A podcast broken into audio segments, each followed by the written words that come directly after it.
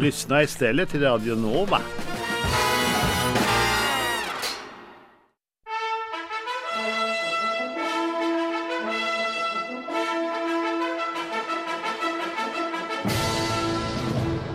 Everybody be cool. You be cool. All right, you ready to have sex? We come in peace.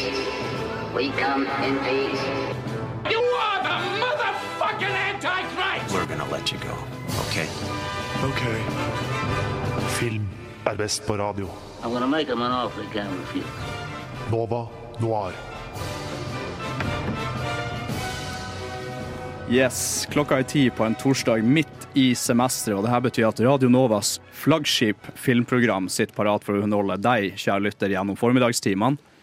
Vi er så klart Nova Noir. Mitt navn er Kim Sverre Hilton, og i dag så deler jeg studio som så mange ganger før med en gammel og kjær partner til min venstre, nemlig. Ludvig halla. Og så er jeg også så heldig at jeg får sitte her første gang med min gode mann. Eh, Johannes Og Bjørang. Ja, må jeg si etternavn også? Jeg, jeg glemte det. Det går så bra, altså. Det er ikke bare bare å huske navnet iblant. Nei, ikke hele, i hvert fall. Det kommer noen, curve, det kommer noen curveballs litt sånn her og der. ikke Ja? Så er jeg må bare- følge med, jeg må være på Må ballen. bare være på Ja, rett, vet du. jeg må det. Eh, og I tillegg til det så er jeg så heldig uh, å ha Ragnhild Bjørlykke og være i hennes trygge hender på The Ones and Twos. Så boys, hvordan har vi det i dag? Nei, det går først, ja. bra, bra, ass. Ja, ja. Jeg også har det ganske bra. Jeg, jeg ble tatt litt på senga. Jeg, Jeg, er- jeg, jeg stoked. Jeg er stoked. Curveball nummer to. Jeg bare sjekker dere er ja, ja, ja, jeg er åpenbart ikke det. Det er, det er bra at dere er, bra at dere er energized og uh, klar til å gå i gang, for jeg kommer til å trenge et A-lag i toppform når vi kjører en hel sending om sportsfilmer. Uh, vi skal gå litt i dybda senere på hva det liksom innebærer, men jeg kan allerede avsløre at vi kommer til å snakke om filmer som Raging Bull og Coach Carter og Free Solo. Men før vi skal det, så har jeg lyst til å høre på hva dere har. Sett siden sist. Johannes, Det var en smooth overgang, altså. Jeg har alltid hatt lyst til å gjøre det på den måten der. Jeg likte det. jeg likte det, jeg likte det. Uh, siden sist det har jo vært påske. Eh, og eh, Har du noen sånn filmtradisjoner i påsken? Vanligvis så ser vi jo litt sånn eh, Harry Potter og sånn i påsken, for da er man på hytta. Og hvilke filmer har man på DVD? Jo, man har jo Harry Potter-filmene på Harry Potter på, er det dubba? Eh, de, ja, de vi har før, men det er det ikke det jeg har sett nå, da. Men det er liksom det som er påsketradisjonen min før. Men nå har jeg vært på hytta, og vi har leid filmer på biblioteket, faktisk. Shout-out til biblioteket. Eh, og da hadde det, min far leid en film som heter The Beatles. Det er jo den der norske Lars Saabye Ja, ja, ja. Christensen-filmen. Ja, har dere sett den? Nei, ikke Jeg sett. leste boka til et sånt bokprosjekt på ungdomsskolen. Ja, det er en veldig sånn her uh, ungdomsbok å lese. da Ja. Og da ja, handler det om liksom sånn fire, fire gutter i gamle Oslo som uh, elsker The Beatles.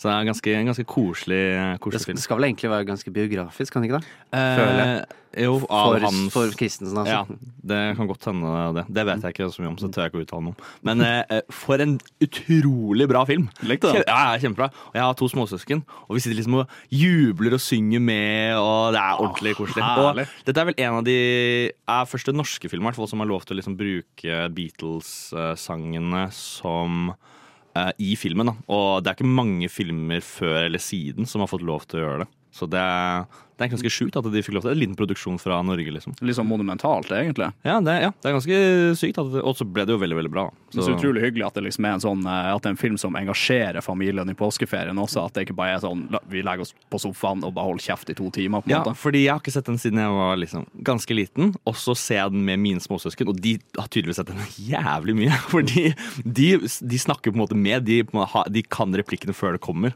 Så de sitter liksom og, og mimer med. Så det var en ordentlig sånn der eh, immersive opplevelse å se den filmen sammen med dem. Mm. Veldig, veldig bra. Ludvig, har du sett noe kult? Uh, Jeg driver jo som kjent med litt sånn selvskading via film. Ved at jeg ser med vilje uh, sånn megaræva så dårlig at det er morsomt-ræva, liksom. Ja. Uh, og nå sa jeg ikke hele, men jeg må gi en shout-out til en film som heter Food Fight. Food Fight uh, utropstegn. Som var Food Fight! Eh, som, eh, som var en sånn gigantisk produksjon som gikk Som ble smørje Ble laget i 2002 eller 2003. Men det ser ut som noe sånn student Studentanimasjon. er- det er 3D-animasjon, da. Okay, ja, okay. Eh, og så vil jeg bare eh, minne på at det, denne kom ut, eller ble lagd, eh, vel å merke, samtidig som, eh, som filmer som Finding Nemo. Eh, og så ser den så trash ut, men den kom ikke ut før i sånn 2012? Eller noe sånt. Fordi eh, det var et eller annet som skjedde med noen rettigheter og noe greier, så du venta i ti år.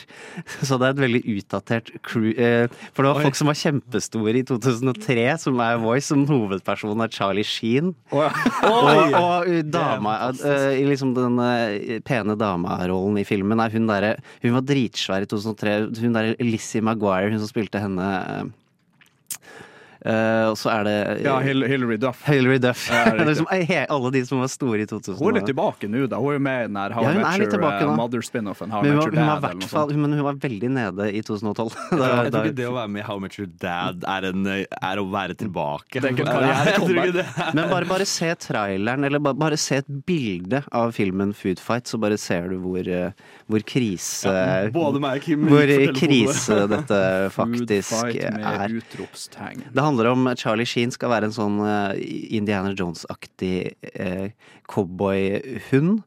Og det er folk som kommer til live i en butikk, og alle er eh, Dette er sånn sponshelvete. Det er hvis du Du, du vet sånn der Adam Sandler-type greier, hvor du ser sponsen sånn litt for godt. Ja. Dette er Her er de karakterer fra de sponsa produktene. Ja, ja, så. Ja, og Ja, Det dette, dette ser absolutt helt forferdelig ut. Det ser Og- ordentlig som data Og det, det, det verste er at liksom de der produktene som ikke har liksom sagt ja til å være med i filmen, har de gjort til skurker. Men det er de som på en måte har vunnet, uh, vunnet kampen, ass. Ja, anbefaler anbefales det her som eh, eh, bra selvskadingsmateriale. Ja, uh, definitivt. Den er, den er klassiker innad miljøet. Herlig. Ikke dumt.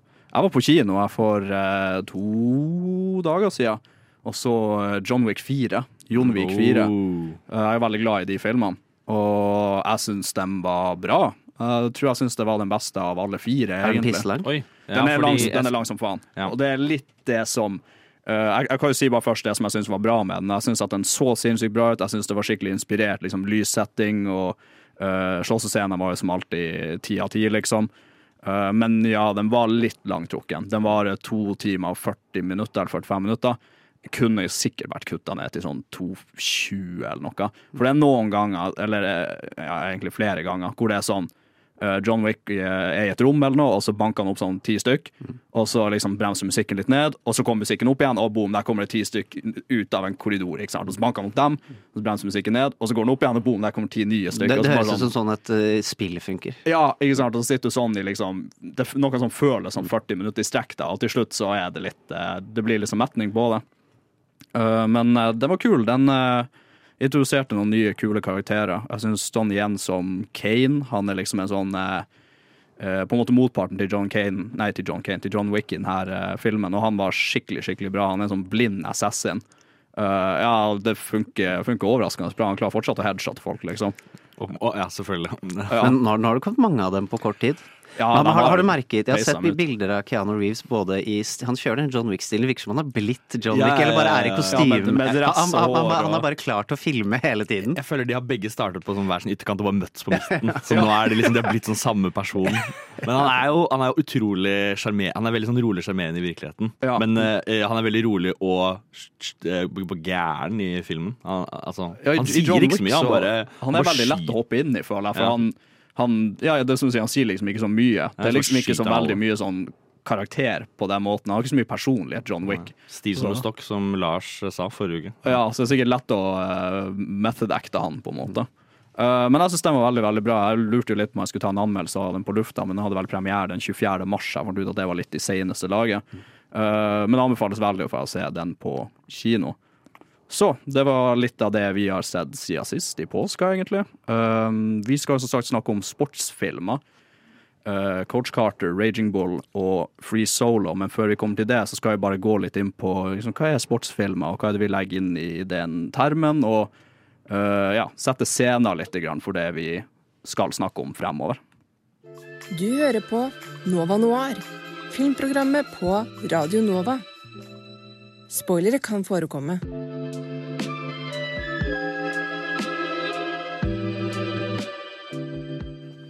Det stemmer det, Aurora. Spoilere kan forekomme, så vær advart eh, mot det, kjære lytter. Sportsfilmer er det vi skal snakke om i dag. Og det er jo, eh, jeg vet ikke om det er riktig å kalle det en sjanger, men jeg gjør det likevel. Det er en sjanger som omhandler dramatikk, eh, humor og underdog-historier og vold og fart og spenning og alt det der. Eh, Ludvig, har du noe sånn spesielt du forbinder med sportsfilmer? Er det kanskje en film du tenker spesielt på, eller har du Nei, altså sånn I bredeste forstand så er, må det egentlig bare inneholde en idrett, på en måte. da. Uh, og at idretten er i sentrum, eller står ganske sentralt, i hvert fall. Mm. Det skal ikke så veldig mye til for at jeg kan være tilbøyelig for å kalle det en sportsfilm. Men uh, sport, hvis det kommer først eller etter i uh, hva kan man kalle det, bindestreksdefinisjonen, er også litt viktig, da. Hvis sporten liksom er hov, ho, i hovedsak, så blir det jo en sportsfilm. Eh, Hvis ikke så er det en komediesportsfilm, eller eh, ja, hva kan man kalle det. Men jeg har ikke én sportsfilm eh, som jeg kom på som liksom Oi, det er en, det er en sportsfilm. Mm. Jeg husker min første møte med sportsfilm eller sportsserie var Zoo-cup. Er det noen der som husker det? Nei. Det er en sånn 90-talls eh, tegnefilm hvor dyr eh, spilte mot fotball mot hverandre. Ah. Med hver, de var bare delt opp i dy- dy- dyreslag, og så spilte de eh, fotball mot hverandre. Så det er vel en Det var min start. Men det er en sjanger som har veldig svær fallhøyde, syns jeg. Det fins jævlig mye ræl der ute. Det, blir, det er mange klisjeer man kan Ja, og veldig mye klisjeer, og så er det veldig mye som bruker sport som en krykke i en eller annen Ja, eh, komedieform, eller for å skille filmen ut, da. Hvis det skal være litt generisk. Nå skal jeg ta litt, et eksempel som er egentlig litt dårlig, for jeg har litt sånn softpot på filmen. Sånn som Dodgeball, eller Kanonball om man vil, den komedien. Mm. Den føler jeg er en sånn type komedie som hadde forsvunnet mye mer hvis den dodgeball-greia ikke hadde vært der. Men bare humoren hadde vært hvis dere skjønner hva jeg mener, hvis humoren hadde vært satt rundt et mer sånn generisk eh, Hvis det bare hadde vært de to treningssentergutta som hadde krangla, Ja. så hadde den forsvunnet mye mer. Du husker den på grunn av Ja, spillet Kanonball. Dodgeballen er veldig viktig, men det er også litt fordi jeg, jeg elsker jo den filmen. Jeg har sett den en million ganger. Den er ikke spesielt bra, men jeg hadde den på DVD, så det var utrolig lett å bare sette den på da jeg var kid. Uh, men den er Jeg tror akkurat det med at det er dodgeball, er jo liksom at det er, det er gymmen, ikke sant? Og så er det veldig sånn her liksom taperne mot uh, the jocks, ikke sant? Så jeg tror det er mange som relaterer til den delen av det. Så helt enig, egentlig. Og så så, kan du bruke Som sagt, det kan være komedie, det kan være drama. Du kan putte det som et sånt eh, bakteppe for å fortelle en historie, da. Eh, og som sagt, det fins terningkast 1 og terningkast 6 på hele spekteret deres. Altså. Mye, mange av dem. Hva med deg, Johannes? Uh, jeg er for så vidt veldig enig i det. At det finnes utrolig dårlige sportsfilmer som lener seg veldig på det at det- er sportsfilm. Men det er et eller annet med eh, sportsfilmer som allikevel gjør de så engasjerende at jeg tilgir på en måte filmen veldig for å være dårlig. Ja. Så det er, sånn, det er noen noe golffilmer som jeg, jeg har sett, og ah, en, golf er så forbanna engasjerende. Det er så gøy, Og ingen av de filmene er noe særlig bra. Men liker, Men du, liker, du, liker du golf utenom golffilmer? Eh, ja, men jeg ser ikke noe særlig på golf. Det, Snakker vi Happy Gilmore her nå? Happy Gilmore, det er en av de. Takk for at du tok opp det. Så slapp jeg å gjøre det. Men eh, Happy Gilmore, selvfølgelig. Som er en av forslag Vi skulle kanskje se Happy Gilmore uh, til denne sendingen, men det ble ikke det. Honorable mention. Honorable mention. Men det er også en film som heter Tin Cup, som er en golffilm. Eh, ja, det, jeg ser begge rynke litt på nesa. Ingen, ingen vet Nei, nei, jeg tror ikke det er sånn Jeg tror ikke jeg har møtt noen det, andre som har sett den. det er ikke den. filmen hvor han har sånne magiske evner til å se hvor ballen skal gå?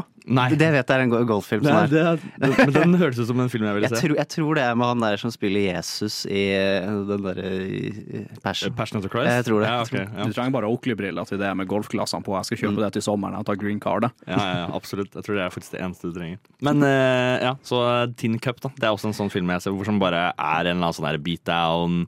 Eh, gammel, pensjonert atlet som på en måte finner passion i golf igjen. Da. Og så går han tilbake og så vinner liksom den største turneringen i året. Og det er, det er liksom eh, nøkkelordet, eller nøkkel... Eh, nøkkelen, bare. Vi sier bare nøkkelen, vi. Til- Ja, det er liksom den derre det comebacket. Ja. Fra ingenting til noe, eller fra ingenting til det absolutt beste. Og det er liksom det er så sjukt engasjerende. Det er en grunn til at tror- vi føler så mye med på sport. Jeg tror jeg sport, eh, og sportsfilmer også engasjerer oss på en sånn primitiv, kompetitiv måte. Fordi det sportsfilmer gjør som idrett ikke gjør for min del, er at jeg kan godt bli engasjert i sporten via filmen. Det kan være De tre filmene vi skal ta opp i dag, har sport, sporter som jeg ikke følger med på enten overhodet eller uh, veldig lite. Men filmene er engasjerende på sin måte. Uh, jeg er stort sett bare sånn ren idrett, så er mest fotball. Sånn stort sett fotball og litt friidrett, liksom. Men eh, jeg forholder meg til omtrent nesten alle andre idretter gjennom film, fiksjonsfilm, liksom. Og kanskje dokumentarer. Da merker jeg veldig at eh, utvalget av sportsfilmer er liksom tett bundet opp mot den, liksom, det at mye av film vi ser på er amerikansk. Så da Mm. er det store amerikanske idretter det lages filmer om. Fotball, sånn som du sier. Jeg spurte jo dere i Sånn amerikansk liksom. fotball og baseball og sånn. I faen, liksom. Ja, men sånn europeisk fotball. Jeg spurte dere liksom i gruppechatten jeg bare, finnes det noen bra filmer om europeisk fotball. Vi klarer ikke å komme på en eneste en. Men hvis du går gjennom sånn IMDb topp ikke, 100 sportsfilmer, så er det så masse boksefilmer og basketballfilmer. krydder Baseball, Baseballfilmer. Masse bra baseballfilmer. Amerikansk fotball. Mm. Uh, så uh, det kommer til å være ganske sånn amerikansk prega, uh, kan man si. Definitivt. Dette- Ja, faktisk. Jeg nevnte boksing og basketball, det skal vi også ha, men så har vi jo da free soloing og klatring, som er litt sånn, uh, hva jeg skal si, uh, alternativ take. Ja, og jeg skal si det litt etterpå om den Free Solo-filmen. Det er en veldig amerikansk film formidlet eh, hovedsakelig til amerikanere. Du merker det veldig at de oversetter ingenting til meter eller Nei. noe som helst sånt. Det er veldig sånn amerikanere som forteller noe til andre amerikanere. Og før vi kommer til det, så skal vi egentlig gå inn på en mer sånn, hva skal jeg si, tradisjonell idrett, men en veldig amerikansk film likeså. Uh, når vi er tilbake etter musikk, så skal vi snakke om Raging Bull fra 1980. Nova Noir. Film på radio. Hver torsdag 10 til 12, eller i din podkast-app når som helst. Det er riktig. Kim, Johannes, Ludvig, Ragnhild på teknikk, og vi snakker om sportsfilmer. Vi skal nå gå over til Raging Bull fra 1980 med Robert De Niro, Joe Pesci og Cathy Moriarty. Eh, veldig kort så handler denne filmen eh, Den følger karrieren til middleweight-bokseren Jake LaMotta og hans turbulente privatliv. The Bronx Bull, the Raging Bull. Let's hear for the great Jake LaMotta, ladies and gentlemen. I'm the best. And I can take it more than anybody. You're dead. You're married. Leave the young girls for me. There's no way I'm going down. I don't go down for nobody. What is it with him? Why does he have to make it so hard on himself? If you beat Trigger Ray, you'll get a shot at the title. You feel that way? There's no one else around who wants to fight me. They're all afraid. You've a lot of bad things, Joey. Maybe it's coming back to me.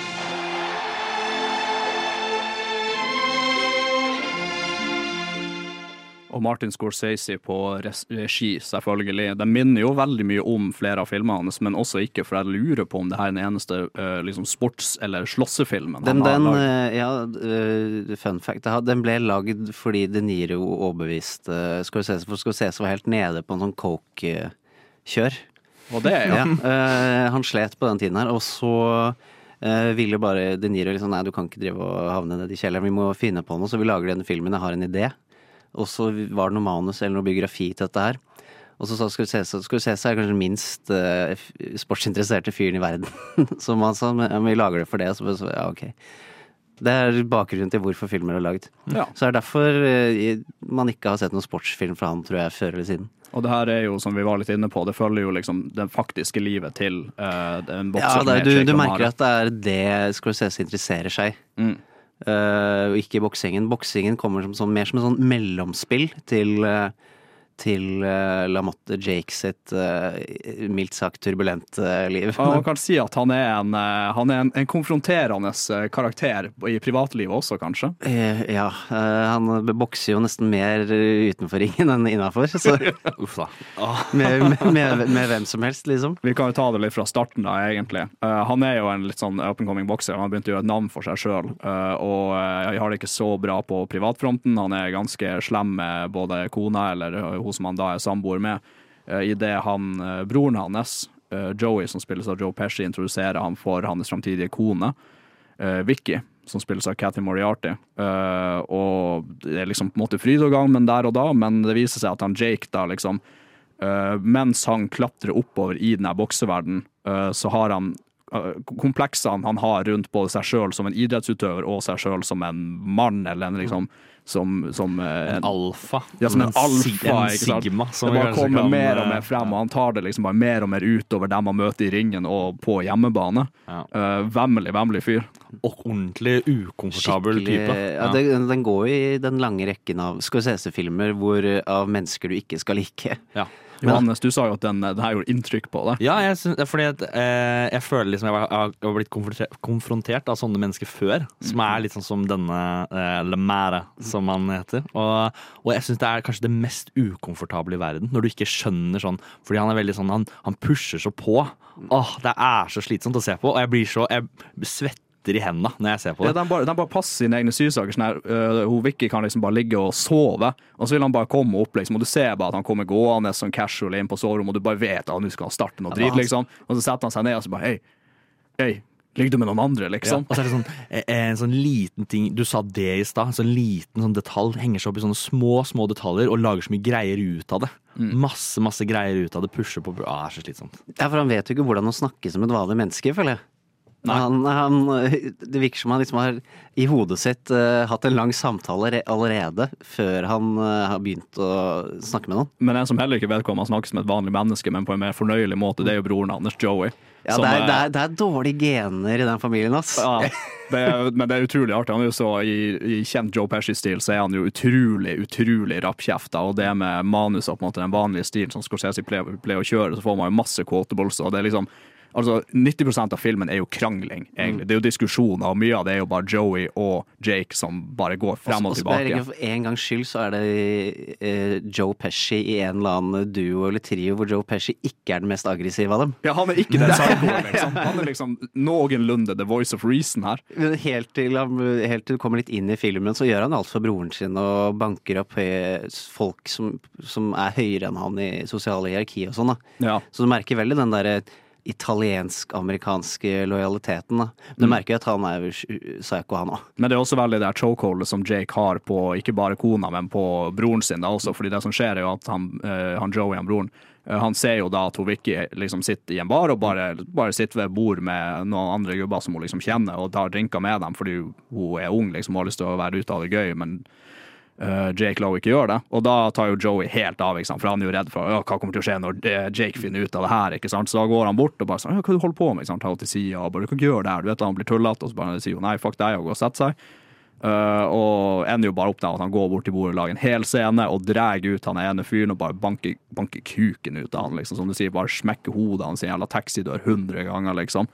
For så vidt litt imponerende med tanke på størrelsen hans. Eh, Ja. Og han andre er jo ganske svær, og han krabber jo vekk. Ja. Men det, det kan hende at uh, han uh, Joe Pesci sin karakter har jo blitt uh, banka opp og misbrukt av broren siden fødsel, Han er nok kan jeg tenke han meg. er nok litt Så sterk, for han bokser jo sammen. Ja, han, tål, han tåler nok en støyt. Ja, for det får sånn. vi jo i begynnelsen av filmen også, så har de jo en, en del hvor de sparrer. Ja, Eh, ja. og han, han Joey, da, han, jeg husker ikke hva han sier, men han sier et eller annet for å irritere Jake, sikkert ikke noe stort i det hele tatt. Og så ender jo Jake opp med å bare gå sånn all in, og egentlig bare stå og bare banke og bare slå og slå og slå, mens han har liksom lillebroren sin i hjørnet av ringen. Han driter ut lillebroren på en måte foran lillebroren sine venner, da, fordi han er misfornøyd med at de er der. Mm. Og så da skal han liksom gjøre litt sånn poeng ut av det da, og banke bare dritten ut av han. Og han, den ekte Jake LaMotta han uh, så jo denne filmen da han kom ut med uh, han, da, da hans daværende kone, eller ekskone, tror jeg det var, jeg lurer på om det var med hun som hun faktisk er Vicky, uh, LaMotta.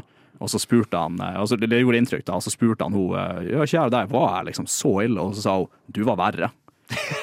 Som er helt forferdelig å tenke på. Ja, absolutt. Og han går jo over fra å som sagt, han klatre litt opp i denne bokseverdenen, og han ender opp med å komme seg veldig veldig langt. Han blir jo eh, middleweight eh, champion, verdensmester, på et eller annet punkt. Han slår Sugar Ray Robinson, uh, og liksom ting, ting går bra. og Joey sier jo liksom hele tida ja, han er bare stressa, liksom. ikke, ikke bry deg om han, han er bare sur og stressa fordi han får liksom ikke til, og han klarer ikke helt å bli champion. Og så blir han jo det. Men det blir jo ikke bedre i det hele tatt. Ja, Og det kulminerer han mister det helt. Han gjør jo det. Det, Ja. det kulminerer jo i at han eh, Jake uh, anklager Joey, nei Vicky, for å ha ligget med Joey eller noe, og så er han opp med å bare banke opp begge to. han anklager henne for å ha ligget med alle. Ja, han alle. par, han bare par paranoia gjennom hele, gjennom hele greia. Men jeg tror han har vært eh, liksom, Han må ha vært sånn hele livet, tenker jeg. Men eh, det, det hjelper jo ikke uh, den der 'Did you fuck my wife'-scenen. Det er tens. Ja, det er hardt, ass. Ja, er Med, med, med broren, ja. Han, han går jo liksom, han vandrer ned hele Etter å ha krangla lenge med Joey, så vandrer han ned hele nabolaget for å liksom jakte på Joey i huset hans med liksom kona Smekker ned kona i, på fortauet. Han bare går rett inn i stua liksom og banker driten ut av Jake foran hans kone og barn. Eh, og da, da går vi på en måte litt over i andre del av filmen, som uh, viser Jake i hans uh, pensjonisttilværelse da han kjøper seg en bar og egentlig fungerer som bareier slash sånn entertainer da, fra scenen. Og ja, han får litt problemer med loven, for han driver og kysser på noen 14-åringer med uhell. og Ja, med uhell. Oh, ja, ja, sånne ting som bare skjer når du er på bar, baren din, liksom. Men den scenen, det er en scene før det hvor han på en måte er i huset sitt. Du ser han på sitt absolutt, absolutt høyeste. Liksom sånn, han, har, eller han har vært champion, han har pensjonert seg nå. Sitter med barna sine, blir intervjua, blir tatt bilde av i dette storhuset ved bassenget. Og så sier han liksom Ja, kjøp meg en klubb, vet du hva jeg kaller den? Gjett, da. Altså, er det Jake LaMare som Han kalte bare navnet sitt. Jeg, hadde liksom i hodet mitt jeg bare Raging Bull. Ja, Raging Bull. Bare, nei, Jake, Jake Jake, Lamares. Utrolig skuffende. Ja. Men det her er jo en boksingfilm, og det er jo, altså, det er jo en sportsfilm, det er masse boksing i det her, og de går jo uh, veldig grafisk og grovt inn i detaljene på hvordan det her fungerer. Uh, vi skal komme tilbake til litt mer det sportslige aspektet av denne filmen uh, etter musikk. In a world that's powered by violence. In a world without gas. In a world where owning a radio was strictly forbidden.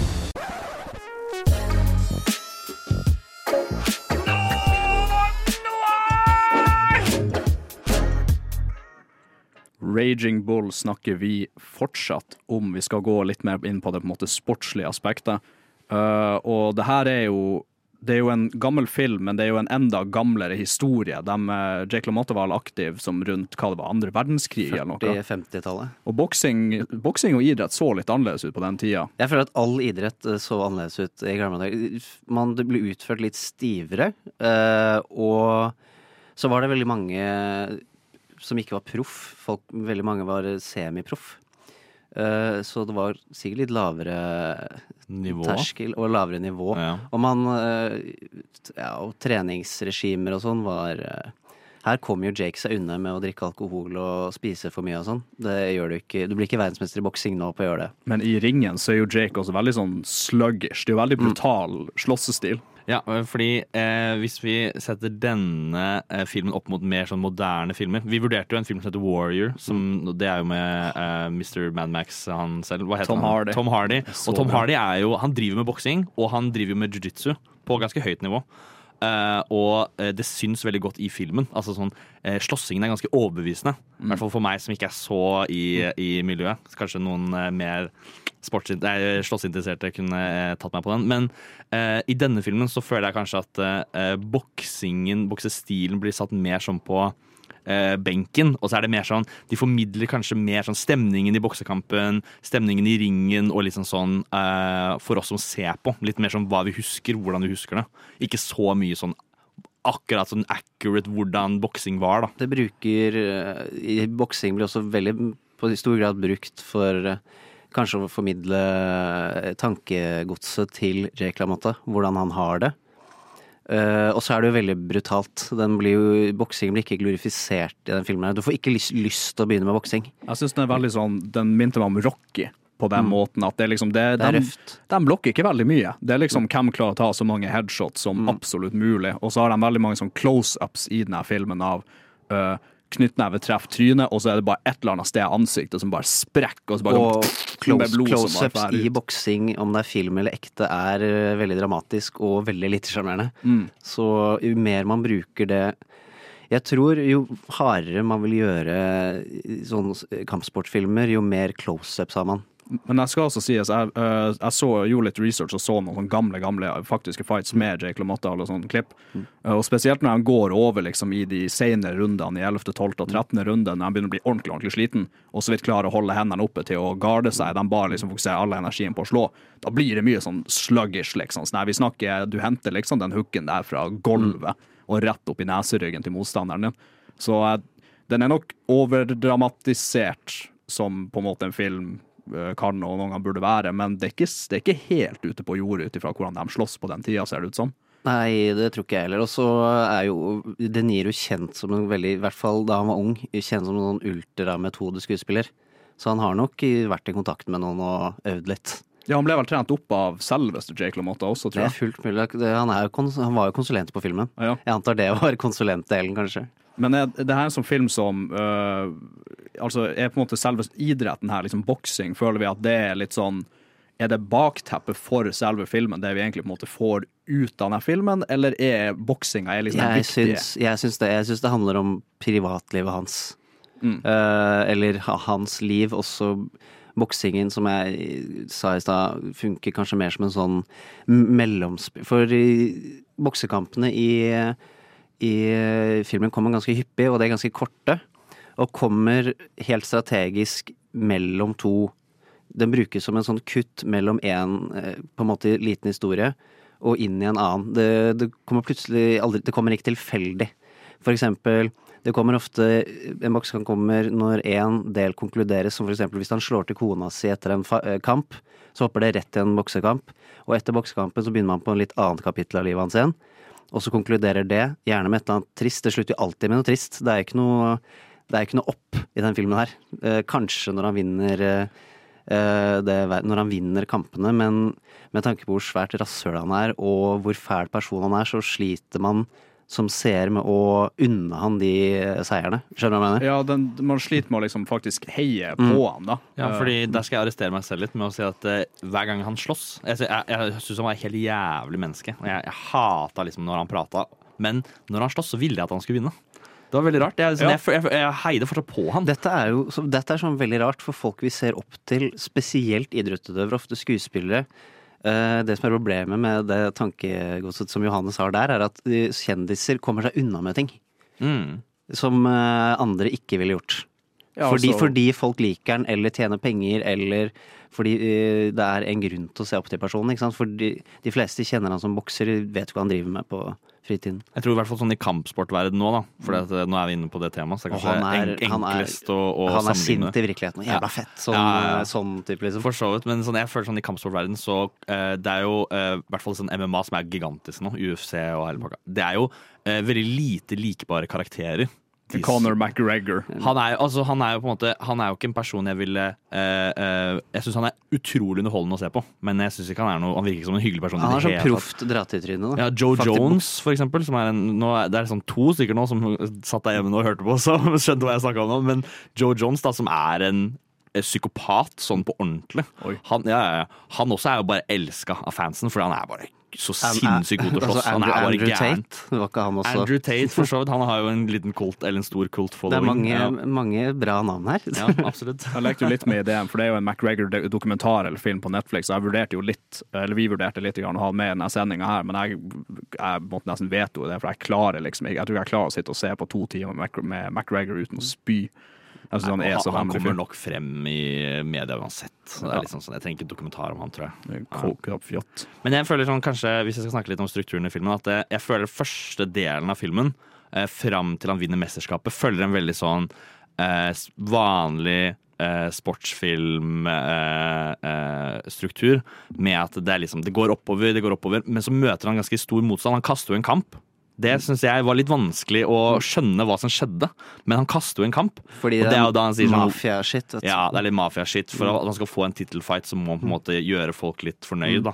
Så han kaster en kamp, Uh, og blir jo utestengt, og liksom han angrer jo veldig. Det er da han, han griner inne på, uh, Hulker dass. på, i skuldra Ja, til en annen dude, liksom. Ja, Det, det, er liksom et veld, er det er et veldig viktig øyeblikk, for det er vel det eneste øyeblikket i filmen hvor han ordentlig går imot sin egen karakter. Ja, Så den gråtescenen vil jeg si er en av de, om kanskje ikke den viktigste uh, scenen for hans karakterutvikling. Ja, for det er sånn cirka den eneste gangen, Han viser en av kanskje to ganger, du har en anledning til å faktisk sympatisere for ham, selv om Mm. han er verdens største kuk, liksom. Mm, nettopp. Eller verdens nest største, eh, på det tidspunktet på 40-tallet. Men jeg er ganske up there, da, for å si det sånn. Eh, ja, så Raging Bull, da. Det, det er en boksefilm. Der bokses det, og det er veldig bra vold, skal jeg si. veldig bra vold. Det er sluggers masse, det er bra performancer, og uh, ja eh, altså, du heier ikke på den karakteren her. Jeg skal Kjapp ting før vi er- runder av dette stikket. Så dere hvor Scorsese hadde en cameo i den filmen? Nei. Det er, vi, vi satt og så på det sammen, og så sa vi så at han hadde en cameo. Og så sa OK, vi stopper filmen. Førstemann til å finne ut hvem han er i denne filmen, for, liksom, for en premie. Ha, ha. Det var i hvert fall konkurranse, da. Og helt på slutten, når det er sånn her, når han står sånn eh, Fordi det går til helvete med alt det greiene her, og han blir jo en ko komiker, eller han blir en sånn showman, da. Og så er det den akkurat det absolutt siste scenen hvor han sitter sånn og liksom øver litt foran speilet. Er Så han kommer, som er så der, kommer det en fyr inn og så sier sånn her. Are you ready? Ja, og så sier han sånn Yeah, yeah, I'm ready. Og så bare, Do you need anything? No, I'm sure. Det, det er da skal jeg si sånn. Ja, for jeg, jeg tror ikke Scorsese sin mor Hun pleier jo også å spille inn noen Mm, filmer. hun. Ja, Ja, hun ok. var i Goodfellas også. Jeg, jeg så et sånt klipp som var jævlig adorable her om dagen, helt tilfeldigvis, hvor det var liksom mora til Scorsese og Scorsese sjøl som satt og bantra frem og tilbake, og da liksom uh, busta hun ballsene litt for at hun ikke fikk være med i Raging Bull. Så jeg var, jeg var egentlig først optimistisk til å se henne i dem, men fant henne ikke. Uh, men uansett, til tross for at Jake måtte er en uh, kuk og boksinga kanskje litt sånn uh, Litt overdrevet, så tror jeg vi alle tre på en måte var fornøyd med denne filmen. Det er noe jeg, liker den kjempegodt, ass. Jeg har sett den mange ganger. Ja, Tipp fantastisk. Da skal vi bevege oss litt frem i tid, for etter at vi har hørt musikk, så skal vi komme tilbake til Coach Carter fra 2005.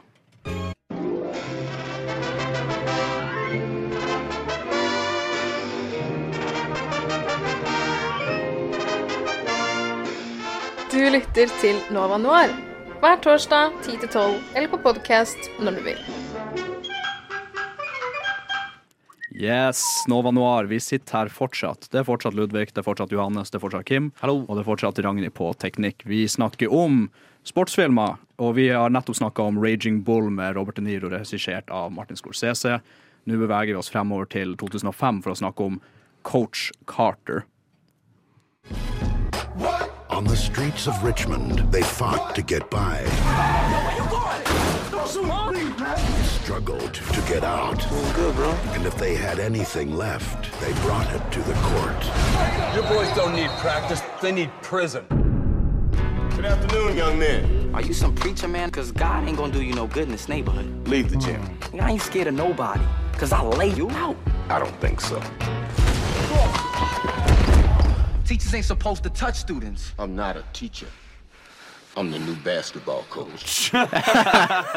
Jeg, hadde, jeg hadde ikke sett den filmen her sånn, siden ungdomsskolen. Eller sånn, så kanskje sånn, den er fra 2005, så da kanskje jeg så den i sånn slutten av 2000-tallet. Men dette er kanskje den mest 2005-filmen som har 2005-et, tror jeg. Både i musikken og stilen. VM i 2005. Jeg, jeg, tror jeg, jeg tror jeg hadde noen av de eh, kleine eh, eller antrekkene. De er ikke kleine i denne filmen, men når du er en hvit gutt fra, fra Nordstrand, så blir det fort kleint. Nei, jeg tror du hadde kledd den, den der, de gigantiske Ja, ja. Olabuksene. svær som basketballtrøye Ja, men i hvert- fall Johannes er litt eh, Du var litt mer i den tettsittende klesstilen. Men da jeg var, gikk på ungdomsskole sånn midten av, midten av 2000-tallet, var XL, altså. Som var den minste størrelsen. Det Jeg- var mye svære klær. Altså. Hjernen min defaulta til Microsoft Excel. Hæ? Hjernen min defaulta til Microsoft Excel. nerd. Det er nerd å si, altså. Men det er jo en ting jeg bare ville sagt. Sånn, eh, eh, for dere som hørte på den traileren nå, så er det jo Uh, I'm not a teacher, I'm the new basketball coach. Jeg føler den filmen her er All dialog er satt opp for at eh, coach Carter, da, altså Samuel L. Jackson, kan si et eller annet rått på slutten. Avslutte hver dialog med et eller annet fett. Det, det, virker, det virker som Samuel L. Jackson i kontrakten liksom, han skal ha siste ord, eller et eller annet sånt, i alle krangler. Han er jo satt opp til å være liksom, den fyren som vet alt. Og det her er jo, det her er jo den sanne historien om Ken Carter, da, som tok over som trener for et sånn videregående eller high school eh, basketballag. da. Eh, Og det viser seg at metoden hans er ganske uortodoks, fordi det her er jo gutter som bare vil spille basketball, ikke sant? og de kommer fra belasta områder og eh, fokuserer veldig på det. Så de gjør det ikke veldig bra på skolen. De dukker ikke opp til timer, de er ute og fester, og de driter litt i det. De Gjør det ikke så veldig bra på basketballbanen heller, da, i starten. Nei. det er ganske dårlig der òg. Og så kommer han inn der, ikke sant? og det foreldrene forventer, eller det de fleste forventer, er jo ja, ja, du skal få skikk på ham på basketballfronten, det er liksom jobben din som trener. Men han blir litt mer sånn en, en life coach, rett og slett. Han nøyer seg ikke med on the court, ikke sant? Og Det han- handler om mer enn det. Han skal bygge dem som mennesker, ikke som spillere. For det han gjør, er at han setter vel egentlig hele laget på benken og får dem til å skrive under på en kontrakt om at de må ha et så så høyt karaktersnitt, og de er nødt til å møte opp i alle timene sine for å få lov å spille i det hele tatt. Og han får jo mye motvind, ikke sant? både fra skolestyret og fra foreldre som eh, håper på at liksom, de her ungene skal bli uh, den neste basketball, den neste NBA-stjernen. da. Eh, og så da blir, liksom, da blir coach Carter Han må være liksom, den, den tøffeste i rommet, den som har det siste ordet, og liksom, de største han- Og så den eneste autoriteten han på en måte kom med, er at han spilte på det samme laget da han var ung, og han er fra det samme belastede området. Han kom, det er ikke sånn uh, ovenifra og ned-perspektiv. Og det er, det er egentlig veldig relevant i en sånn han ty type situasjon. Og han snakker liksom veldig respektfullt til alle sammen. Respekt er en veldig Men greie. han sier sånn- at alle- skal bruke sør om hverandre, ikke bare de til han. Ja, det er akkurat det. Eller Mister, ikke sant. Mm. Så han sier liksom, han sier Mister, og så sier han navnet deres. Mister, og så navnet deres. Selv når han er liksom nedlatende og streng mot dem, så er han Mr. Cruise, Ja, ja, Mr. Cruise. Give up, Mr. Cruise! Give up, Mr. Cruise. Jeg syns denne filmen er veldig veldig fin. Det er mest 2005-ete filmen som finnes, liksom. Men uh, jeg syns det her er en, altså, en underdog-historie. Det her er en sånn film som bygger veldig opp til at du feller, feller noen tårer, og blir litt blank på øynene. Og så er den litt sånn sosialrealistisk underdog-story. Fordi det er veldig mange i idrett Jeg tror grunnen til at vi liker sånne type underdog-story, er fordi at for veldig mange i verden så er en av de få, kanskje den eneste veien ut av eh, ekstrem fattigdom som er lovlig, er idrett. Og det er det for mange sånne personer som i Coach Carter og så mye i resten av verden. Ta eksempel brasilianere i fotball. Og det er jo det som på en måte gjør så Det er jo det som på en måte stikker hardest for meg da med den her teknikken eh, som coach Carter da bruker for å få dem til å liksom bli bedre på skolen, er jo at eh, ja, ja, ikke sant, du kan lett si at ja, gjør det bra på skolen, det er det viktigste, men akkurat som du sier, for mange er jo det den eneste veien ut. ikke sant? Og for mange av de foreldrene i denne filmen de tar det jo som et argument at ja, men det her er sjansen hans, liksom. Han må ikke gjøre det bra på skolen, han må bare gjøre det bra på basketballbanen, så får han kanskje sånn scholarship, og så er det bare rak av veien til NBA-draftet, liksom, og bare tjene millioner i året. Så det er, en, det er en høy gamble han kjører på der. Ja, jeg tror det er kanskje det han uh, Mr. Carter Det- det på en litt- måte prøver å motvirke litt. da Er at det, sånn, det trenger ikke å være den eneste utveien. da At det er litt sånn uh, Det er noe annet for dere der ute også. Men det er noen av disse her har jo så dårlige karakterer at de ikke hadde fått, uh, hadde fått stipend på college engang. Ja, det er litt urealistisk at Mm. det, sånn, det siste halvåret de går på skolen, så, skal de liksom, så går de fra stryk til sånn OK karaktersnitt, og så skal det liksom holde Jeg tror liksom ikke det helt holder uh, i den virkelige verden. Eh, men altså, jeg liker å late som. Ja, med, med fraværsgrensa i Norge så har de vel blitt hevet ut allerede første uka på skolen. ja, de er for så vidt ganske greie, disse lærerne. da Som er liksom sånn, Det er ikke så farlig. Men det virker som i, i, i USA så setter de idrettsstjerner veldig høyt, så de kan liksom gjennom smutthull få dem på skolen og Dette kan vi trekke en liten tråd tilbake til det jeg sa om eh, Jake LaMotte, at eh, folk liksom så opp til ham fordi han var idrettsstjerne, at man gjør det uansett hvor stor kuk de skulle være, eller hvor mye de hva kan man si, feiler i, med andre ting i livet sitt. Uh, og det sier jo coach Carter selv i filmen, at det er korrupsjon i idrettsverdenen. At uh, nå lærer dere disse gutta her når de er 16 at hvis de er gode nok i basketball, så kan de bare navigere og uh, se gjennom livet og ikke spille etter reglene. Så det er også en veldig Det er en ganske bra moral i filmen, vil jeg si. Det syns jeg også. Og vi har jo også ganske bra prestasjoner. Altså, det er jo Samuel L. Jackson som jeg syns spiller utrolig bra. han spiller bra, altså. Han var jo det eneste uh, faktiske valget og ønsket som den virkelige Ken Carter hadde da, det var, da han ble spurt om hvem som burde spille han. Som er litt sånn liksom Hvis noen spør meg ja, Kim, hvem vil du skal spille? Bare, ja, Ryan, Ryan Gosling, liksom. eller, eller Samuel L. Jackson, liksom. Sånn. Så jeg vet ikke om det sier så mye, egentlig, at du liksom går for Bare en av de, random. Bare helt random. ja, en av de høyest billa afro, afroamerikanske skuespillerne på den tida. Men sånn er det nå. Han gjorde en veldig bra rolle. Og i tillegg til det så har vi Rick Gonzales som Cruise, som på en måte er den største sånn eh, hva skal jeg si, eh, bråkmakeren i begynnelsen, og som Ken Carter må vinne over. Eller som det kanskje er viktigst at han vinner over. Eh, og Channing Tatum i sin sin spillefilmdebut. Ja, det, Er det det? Ja. Ja, jeg, jeg, jeg, jeg hadde jo ikke sett den altså da jeg så den første gang, og siste, siste gang var jo Da var vel den eneste filmrollen han hadde, så jeg, jeg tenkte ikke på at det var han.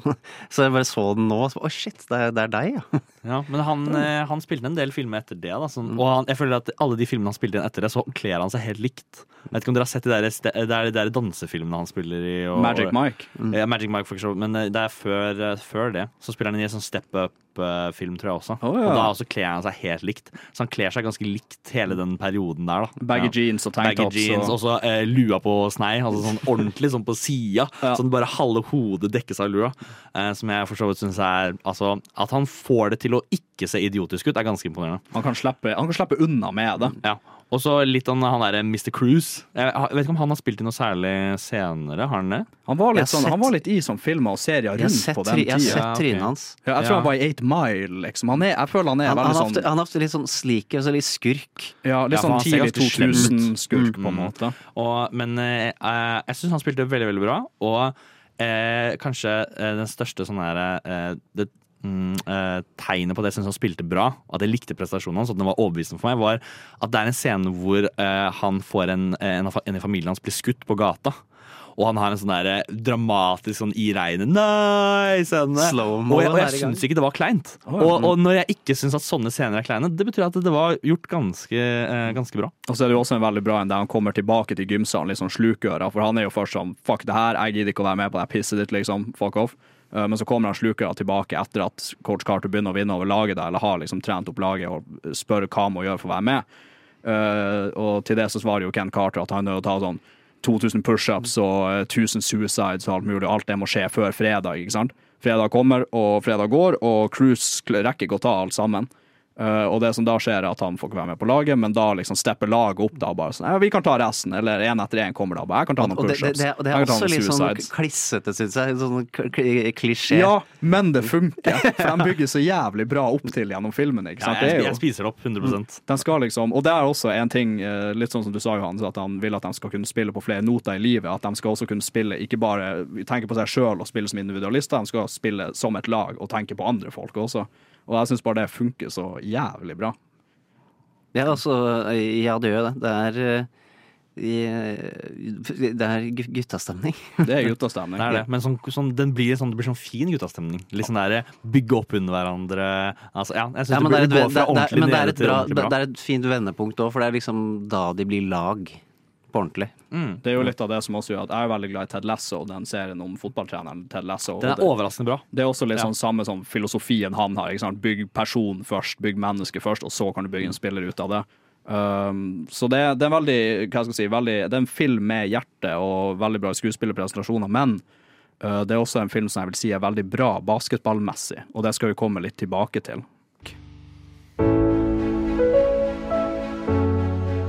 My mama always said, Nouveau Noir was like a box of chocolates. You never know what you're gonna get. Coach Carter, en basketballfilm om eh, den faktiske eh, basketballtreneren eh, Ken Carter. Basketballen står jo selvfølgelig ganske sterkt i denne filmen, og det som imponerte meg veldig, er at altså, det her er koordinert. Det her er en av de filmene som jeg vil si på en måte setter Den setter ikke idretten i sentrum, men de har fortsatt gjort sin flid med den. Eh, fordi de skuespillerne som har vært med her, de har trent veldig, veldig mye. Eh, følte dere liksom at Altså, sitter den, liksom? Er dere noe basketball? Ja, altså, det, er, det er viktig å eh, Jeg ser når det er bra, og når det er dårlig, i hvert fall. Men eh, jeg vet ikke om vi påpekte det, men det er vel kanskje viktig å si at dette er high school, og at det ikke er profesjonelle. Bare veldig gode. Og du snakket om eh, i- eh, eh, basketball i sentrum. Eh, for karakterene er det jo 100% i sentrum. Det er viktig å tenke på. I filmen vil jeg også si at det er litt sånn som Raging Bull, et, eh, litt et bakteppe for en større historie om uh, eh, sosial eh, Den er veldig sosialrealistisk på samme måte som det er en idrettsfilm. Jeg vil si at uh, idretten står mer sentralt her enn boksinger i Raging Bull, eksempel. Mm. Og det er kanskje det, det, de de, det som imponerer meg, imponerer meg veldig, at de har gjort fliden sin skikkelig, selv om kanskje ikke basketball er det, det viktigste eller sentrum i filmen. Uh, det er jo litt sånn stats på det, altså for de skuespillerne her, de som har spilt ungdommen, de har jo liksom de har jobba hardt ass, for å liksom komme up to speed. Uh, de uh, skuespillerne de ville trene i gymsalen typ fem timer daglig. Uh, I tillegg til det så hver gang de liksom kjørte et sånt play, da, et angrep eller et forsvar, de skulle sentre ballen, så måtte skuespillerne lære seg jeg lurer på om det var over 70 forskjellige plays med veldig fokus på liksom fast pace og pasning og den slags for å liksom underbygge det her temaet om teamwork. Og ehm, øh, i tillegg til det så måtte de liksom gjøre de playsene om og om og om og om igjen, fordi de skyter jo filmen i forskjellige vinkler. ikke sant? Så ok, nå gjør dere det én en gang mens vi har kamera på denne sida av stadion, så gjør dere det igjen med vi har kamera på denne sida av stadion. Så de, de spilte jo basketball nesten mer enn de faktisk skøyt filmen, da. Ja, og da er det for så vidt bra at basketballen ender opp med å være ganske bra. For det er den jo. Men det er nesten litt for bra. Det er, sånn- de er jo dritgode! De er kjempegode. er de de, dunker som men de er jævla unge også. Ja, ja, ja. De er 16 eller 18 eller noe. De er mellom, ja, mellom 16 og 18 år. Det er 18 på det eldste, tror jeg det er. Hvis det er siste året på high school. Det er Så- ikke mange på videregående. Du, du har kanskje én Det var alltid én freak på én skole som var liksom jævla god i en idrett. Ja. Men det var sjelden det var en, et helt lag, liksom. Men det skal sies at eh, privatskoler i USA er veldig flinke til å plukke opp eh, Det sier du på starten av eh, filmen, når det liksom eh, denne første kampen blir spilt, hvor på en måte vårt lag som vi på en måte skal følge, da, blir knust av Sånn St. Francis, som er sånn privatskolen. da. Og da sier sånn, De har kommentator på denne, uh, på denne kampen, og da sier de sånn her eh, Denne stjernespilleren som, som dette, uh, de har scoutet ut og plukket opp dette året. Og det er faktisk en realitet at uh, privatskoler gir gratis adgang til skolene sine eh, for at eh, gode basketballspillere skal spille på laget deres på high school. Det er som er veldig spesielt. Det er skikkelig sånn maskineri rundt det, og de Ja. skolene de eh, blir jo til og med liksom, de blir jo sponsa av utstyrsleverandører. Så en skole kan liksom bli sponsa av Nike, så alle spillerne der springer rundt med Nike basketballsko eh, og så videre og så. Og så når de kommer ut av videregående, så er det jo rett ut på college, om de ikke bare går rett til NBA, tror jeg. Eh, ja, det, men- det kan man i, I basketball så kan man gå rett til NBA, men uh, i sånn som amerikansk fotball og sånn, så tror jeg du ikke har lov til å gå rett til NBA. Jeg Ja. tror det er litt sånn regler på det. Jeg er ikke Ja. sikker, men i, det funker helt annerledes i USA, fordi de må ta en utdannelse i bunn før de blir profesjonelle. Så hvis du liksom er en av de yngste profesjonelle, så er du 22-23. Det som er istedenfor at du havner på high school, at det blir en greie, så i Europa, og spesielt i fotball og eller idrett, spesielt lagidrett i Europa og resten av verden, så slutter du på skolen når du er sånn 14-15 og begynner på ungdomslaget til si Barcelona, Real Madrid, sånne ting.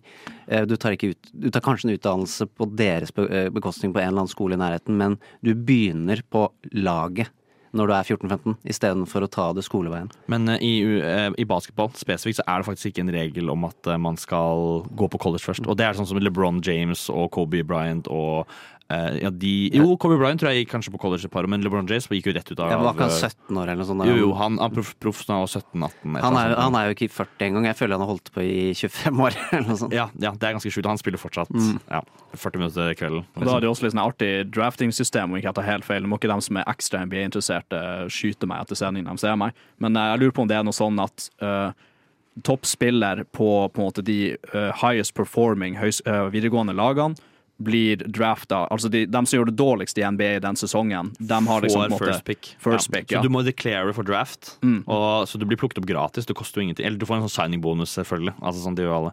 Men ja, det er det dårligste laget får da et first pick. Men Men kan de i si en- nei, de som blir Eh, tatt? eh, nei. Så De jævla, kan- jævla ja, ja. kjipt hvis, det, er De sånn, må- hvis du er den beste og blir plukket av det verste Må du flytte laget. til sånn Alaska Eh, eller noe dritt? Men Fy her, her faen, kommer ass. liksom sånn politikken inn, da, med at eh, det er veldig vanlig I, i, i fotball i Mm. Europa så kjøper man spillere og selger spillere. I eh, basketball så trader man spillere. Så ofte så trader man for en viss pengesum eller sp- andre spillere. Og man trader ofte first picks. Man trader sin første Uh, sitt førstevalg. Så det er mye sånn her uh, Mye bakrom, mye lobbyvirksomhet, mye sånn her uh, bytting bytting Jeg- for å liksom jeg- få tak i spillere man vil ha, da. Jeg, jeg synes dette er veldig rart, for jeg føler den europeiske modellen er veldig amerikansk, og den amerikanske modellen hadde, virker veldig mye mer sånn i hermetegn sosialistisk i, som vi kunne gjort her. Ja, kanskje, fordi, men- fordi fotball er Det er Ville Vesten. Det Ville Vesten, ja. Men det gjør at man skjønner litt hvorfor, de, eh, hvorfor ungdommen satser så eh, Hvorfor de satser så hardt på basketball i denne filmen, egentlig. Det er jo helt sykt at du liksom, hvis du bare performer skikkelig, så kan du bare komme ut av hva enn for bakgrunn du har, og så bare bli drafta til liksom Lakers eller Cleveland Cavaliers eller uansett. Og så Uansett bare, hvilket lag du ender opp på, så tjener du jo så utrolig voldsomt mye penger. Du er sånn 18 år gammel, liksom, og du bare OK, greit, nå skal jeg bli millionær. Uh, så, så jeg skjønner at de, de, jeg skjønner at de trener hardt både i det virkelige liv og, og, og, og litt sånn skuespillere i, i Coach Carter-filmen også. Uh, så ja, veldig bra basketball i denne filmen, tror jeg vi alle sammen er enige om også. Uh, føler vi at den på en måte bygger den under, trenger den å være så bra, eller kunne de bare på en måte ha droppa det og hatt liksom mye av basketscenene sånn off screen? Det er jo en mulighet til å Da gjøre det, men eh, filmen da hadde filmen definitivt lagt mer, eh, mer eh, Det er interessant, for de kunne lagd den filmen òg. Jeg føler liksom Robert De Niro var ja, men da hadde de følt på hadde akademiske delen, liksom. At, det, at de satt på biblioteket hadde vært De kunne lagd en sånn litt sånn roliggående drama hvor det, 90% av den var som biblioteksender. Ja, fordi jeg tar jo, jeg driver og drar Ted Lasso inn i her, fordi jeg, trekker, jeg ser litt sånn paralleller, da. Men der gjør de ofte det at de, mye av fotballen skjer offscreen. Og fotballen er egentlig sånn, den er bare Den, Den er bare middels, altså. Den er akkurat nok. Ja, og den bare er der Ja. som et virkemiddel, og hele poengsystemet og måten de progresserer gjennom ligaen og sånn, har liksom Altså, det gir ikke mening. Uh, men det går liksom fint, fordi det er liksom ikke derfor du ser på serien, da. Um, men ja, jeg er egentlig litt enig i at akkurat for denne filmen så syns jeg at det er viktig at man ser at de spiller, og at man ser at de spiller bra i lag for å bygge opp under teamwork, og at de liksom man ser at de blir tightere og tightere liksom, jo Ja. mer de spiller Av, filmen. av de tre filmene vi eh, har i dag, så er dette den jeg Den eneste jeg legger sport med to streker under film. Sportsfilm, liksom. Jeg tror det er et veldig bra sted å runde av, egentlig. Når vi kommer tilbake, så skal vi hoppe over til vår siste film for dagen, som er Free Solo. Fra ende til annen intenst. Nova Noir. Det stemmer. Det er noen noir som sitter der. Det er stadig Kim, det er stadig Johannes, det er stadig Ludvig og det er stadig Ragnhild på teknikk. Eh, Vi skal nå bevege oss over til den siste filmen vår i sportsfilmsendinga vår, som er Free Solo. Og jeg har gledet meg til å snakke om denne filmen. Eh, jeg er jo eh, kjent, holdt jeg på å si. Ikke kjent, kanskje, men jeg er veldig veldig opptatt av klatring, så det er på en måte min, sånn, mitt sånn hjertebarn i denne sendingen. Skal jeg introdusere filmen nå, eller skal vi ha traileren først? Hva vil dere? Eh, go for en intro, du. Ja, vi går for en intro. Go ok. for en intro. Uh, så i da. denne dokumentaren Dette er den eneste dokumentaren vi har i dag, men alt er vel nesten basert på en sann historie. Alt det vi har hatt i dag, hatt i dag. Uh, det er en dokumentar som følger hovedsakelig Alex Honnold, som da klatrer denne, dette gigantiske fjellet El Capitan i USA uten tau. Altså litt sånn de folkene rundt han, hvordan de reagerer på dette. Eh, Alex Honnold er selvfølgelig da på en måte i hovedrollen. Tommy Coldwell, som er en kompis, vi kan snakke mer om han senere. Han har sin egen eh, dokumentar som er ganske bra, eh, som pleide å være på Netflix før. Og så er det da denne filmskaperen eh, Jimmy Chin, som også er en ganske god eh, eh, fjellklatrer. Og det er vel egentlig alle som filmer denne filmen. Eh, også liksom hvordan denne rare klatrer, klatreren, denne karakteren, liksom navigerer sitt nye familieliv og venne, venneforhold eh, når han skal gjøre dette sånn, det er nesten utenkelig, da. Så kan vi høre på hva it feel different to be up there without a rope? It's obviously like much higher consequence. People who know a little bit about climbing, they're like, oh, he's totally safe.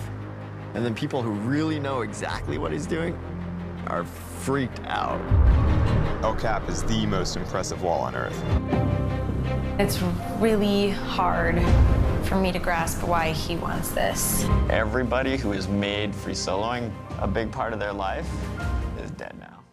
Intenst. Dead now, Altså, det, her er jo, det her er jo med livet som innsats. Absolutt. På- eh, Bokstavelig talt. Det er, ja. eh, og i denne traileren så hørte vi jo eh, denne kvinnelige karakteren som eh, i starten av filmen så forteller jo Alex Honnold at ja, det trender mot en kjæreste, og på slutten så er det på en måte et ganske etablert forhold. Men jeg kan jo fortelle nå at uh, spoiler, spoiler, han overlevde jo selvfølgelig denne, uh, dette Endeavour oppe, oppe fjellklippen. Uh, men nå er jo de gift, og de har barn. Som er litt interessant, for når du ser filmen, så snakker de veldig om dette. Om eh, hadde jeg følt Han, han Alex Honnold eh, reflekterer veldig rundt dette. Hadde jeg følt meg mer eh, ob, eh, obligated til å liksom passe pass, eh, ut, forlenge livet mitt så lenge som mulig, er det det han sier, kanskje? Mm. Eh, hvis jeg hadde barn og var gift. Eh, ja, kanskje det. Og nå er han jo det. Så det har vært litt sånn har vært kult å få en liten follow-up på hva han, eh, hvordan, hva han tenker om det nå. da. For jeg vet at han fortsatt driver med dette, å klatre eh, fjell uten tau. Ja, for det er veldig eh, Altså den dynamikken eller forholdet mellom dem er veldig sentralt gjennom hele greia. Det begynner vel med at de møtes på at hun dukker opp på en av hans boksigneringer. Så han er jo på en måte allerede ganske etablert og kjent som en sånn free solo eller sånn klatrepersonlighet. Ja, han har jo vært det veldig veldig lenge. Mm. Ja, og så, og så etablerer de et forhold utover det. Og det er jo litt sånn eh, Han gjør det jo veldig tydelig at klatring, det, det kommer overalt. Det kommer? Alltid han- til å komme foran kvinner. og Ja. han, han er kald på det. Han er sånn sånn Yeah, there's been a lot of girls uh, that couldn't deal with it, and um, uh, there's probably gonna be a lot more girls, liksom. Ja. Var sånn, ja, Klatringa, det kommer uansett, liksom. Så hvis hun har et problem med det, så må hun bare ut, liksom. Han er, han er ganske kjølig på det der. Uh, men som du sier, da, så liksom blir de litt tightere og tightere og tightere utover filmen, og man merker at hun uh, blir mer sentral. Men det er liksom fortsatt sånn at han, han har et behov for å på en måte dytte henne bort da, når han må fokusere seg. Og det er noen ganger det med å klatre i lag, og han da skader seg. Jeg tror det er to forskjellige anledninger hvor han eh, Han hater jo å bli sett på, så det der i- Ja. at de skal filme dokumentar, er jo kjempeproblematisk for han eh, egentlig. Mm. Eh, Det, er- i hvert fall det når det går litt dårlig. Det er vel Mm. det at så Når han koser seg, så tenker han ikke på noe annet enn at han koser seg. Med en gang på en måte han faller litt ut av det og han merker at dette går ikke så bra, da blir på en måte alle disse kameraene veldig veldig tydelige og synlige for han. Da. Altså blir liksom ah, alt er feil. Eh, dere, jeg klarer ikke mens alle dere ser på, det er for mye random og folk rundt. Når, når det gikk bra tidlig i filmen, så sier han jo at det er liksom hyggelig, jeg kan gjøre det her med vennene mine. Så det er veldig sånn der, eh, Med en gang det går dårlig, så er det liksom så mye som liksom er feil. da. Ja. Det, det er eh, han eh, Han har definitivt personlighet som tåler eh, nedgang ganske dårlig.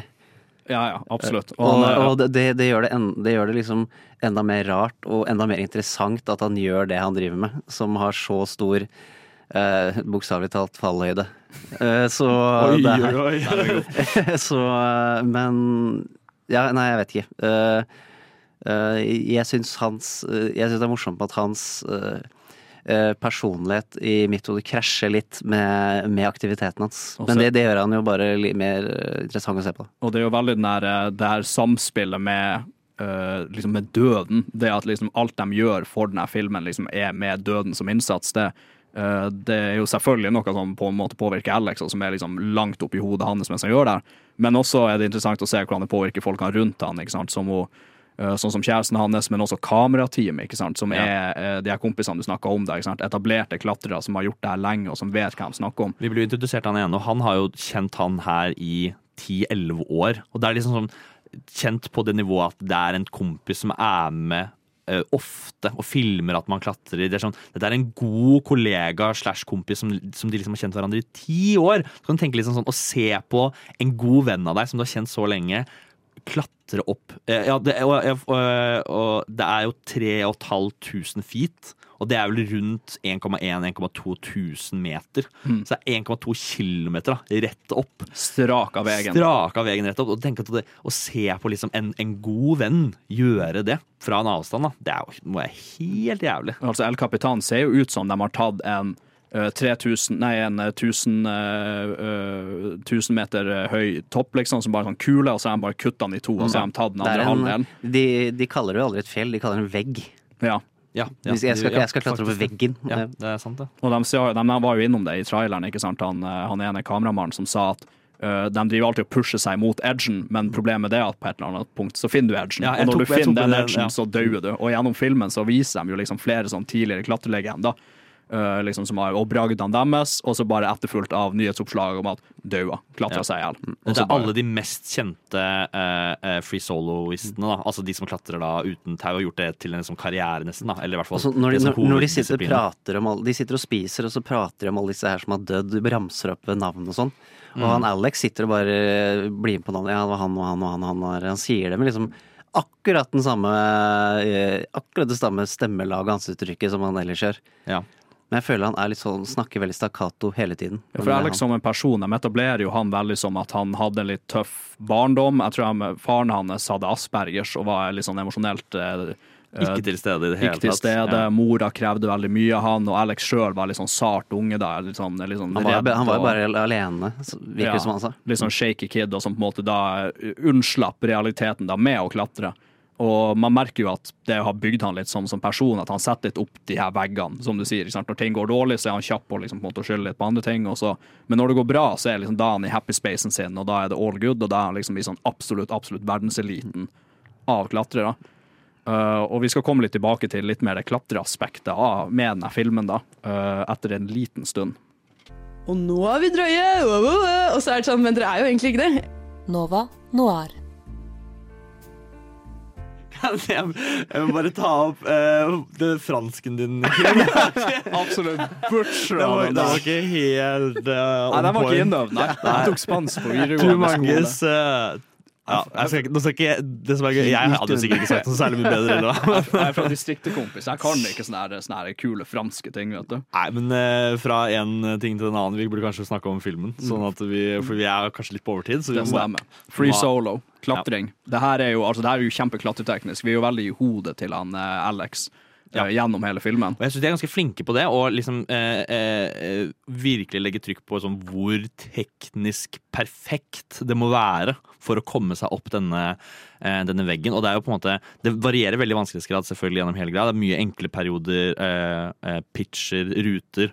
eh, og så er det veldig mange helt sinnssykt vanskelige.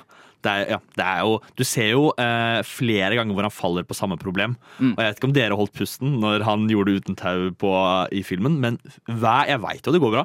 Men allikevel så liksom jeg, jeg, jeg merker sånn etterpå bare sånn Å ja, jeg pusta ikke i sånn ett minutt. Det er helt så- Ja, ja. Det er må- helt sykt. De har jo vært på forhånd og satt opp kamera, for de har jo klatra opp den veien før bare i tau. Så de har satt opp kamera, og så har de sånn droneshots hvor man bare ser sånn ovenifra er ene mannen som bare liksom henger på tilsynelatende ingenting, og så er det bare sånn dead drop på sånn 700-800 meter ned. Ja, det er, og det er ordentlig Jeg syns de er dritgode på å vise, hvor forbanna høyt dette Mm. er. Og eh, jeg syns det er så kult når liksom, du ser liksom du, et sånt fugler fly forbi.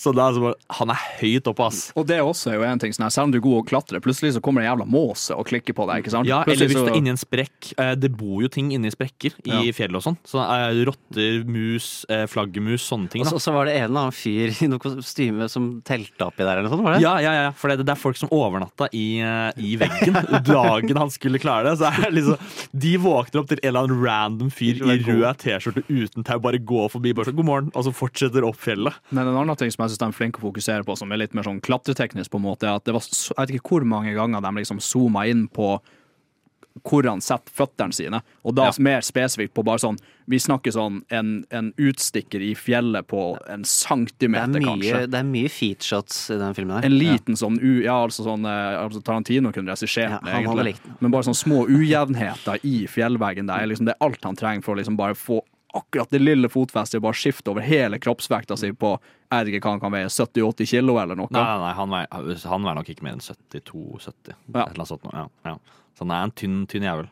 Ja, men altså det er sånn ripped, liksom. Ja, han er, han er atlet med ja, Men uh, ultimate klatreoverkroppen ser ut til å være i, i, ganske raske muskler, tynne muskler og lite fett. Ja, det, jeg tror det kommer veldig an på uh, klatredisiplinen. Dette her er på en måte uh, en av de mer ekstreme formene for klatring. Da, med sånn veldig Dette er, ma lenge dette av er gangen. maratonklatring. Ja, dette er, ja, dette er maratonklatring. Det er store vegger, og han åpenbart er jo perfekt for denne form for klatring. Han er jo kanskje en av de aller beste i verden. En Alex brukte jo fire timer på å komme ja, seg opp den veien. Under fire timer på å klatre opp den. Og uh, først, Det er veldig gøy at i starten så er det litt sånn klatrehistorie da, om denne veggen. Den ble først besteget, eh, og det tok fem, over 50 dager på veggen. Og det tok over 16 måneder eller noe. eh, Med å da rappellere opp og ned og fortsette å klatre for å først bestige denne fjellen.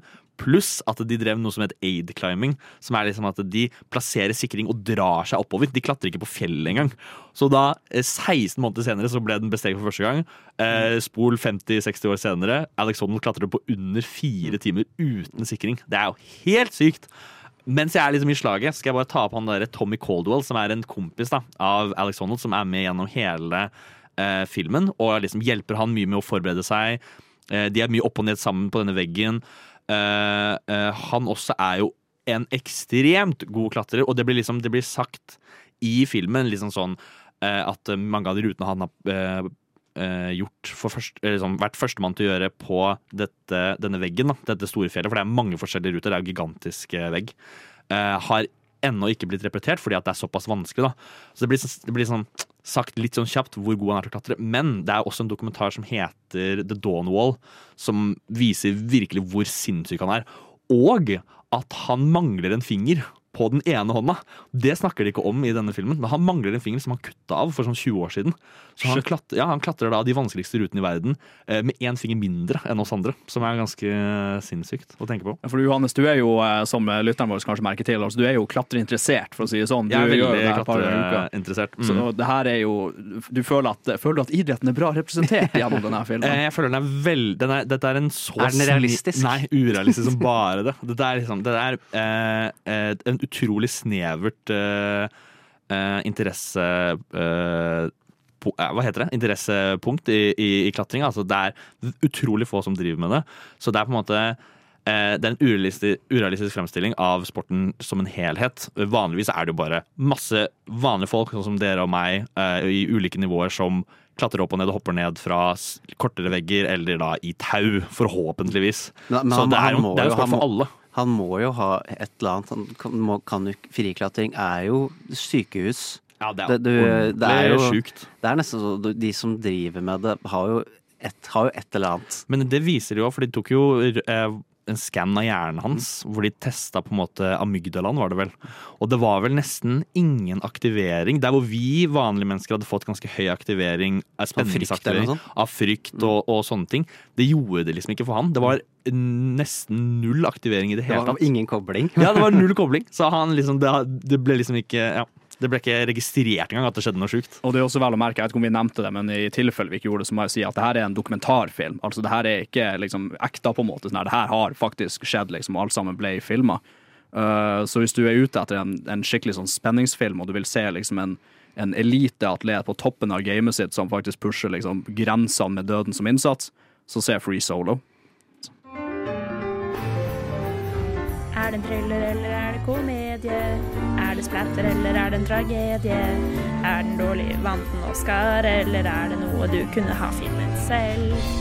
Er den skummel og må ses om dagen? Er den trist og gir deg klump i magen? Når ble den laget, og ble det klaget av familie og venner da du satte den på? 20 spørsmål med Nova Noir. Er du klar for å gjette hvilken film jeg tenker på? Nova Noir, vi snakker jo om sportsfilmer, og vi har jo liksom sittet her og snakka om, uh, om, um, atleter og folk som har yta og levert på toppnivå og den slags. Uh, så da tenkte jeg at det var bare på sin plass at vi måtte yte litt. Jeg har jo samla et A-lag med filmkjennere og teknikere i studio i dag. Så vi skal ikke ha 20 spørsmål, vi skal nå ha noen spørsmål. her, For vi skal rett og slett kjøre en god gammeldags sportsfilm-quiz. Og det vi da gjør, er at jeg kommer til å stille spørsmål. Dere skal svare, hver for dere. Bare skyte ut når dere har et svar, eh, om så midt i spørsmålet. Og den første som får riktig svar, den får et poeng. Jeg holder scoren. Det er bare å rope ut, ikke sant? Det er ikke noe sånn her uh, Det er bare å eh, rope ut, ja, men eh, gjerne liksom innafor Kompetitivt. Ja, innenfor høflighetens grenser.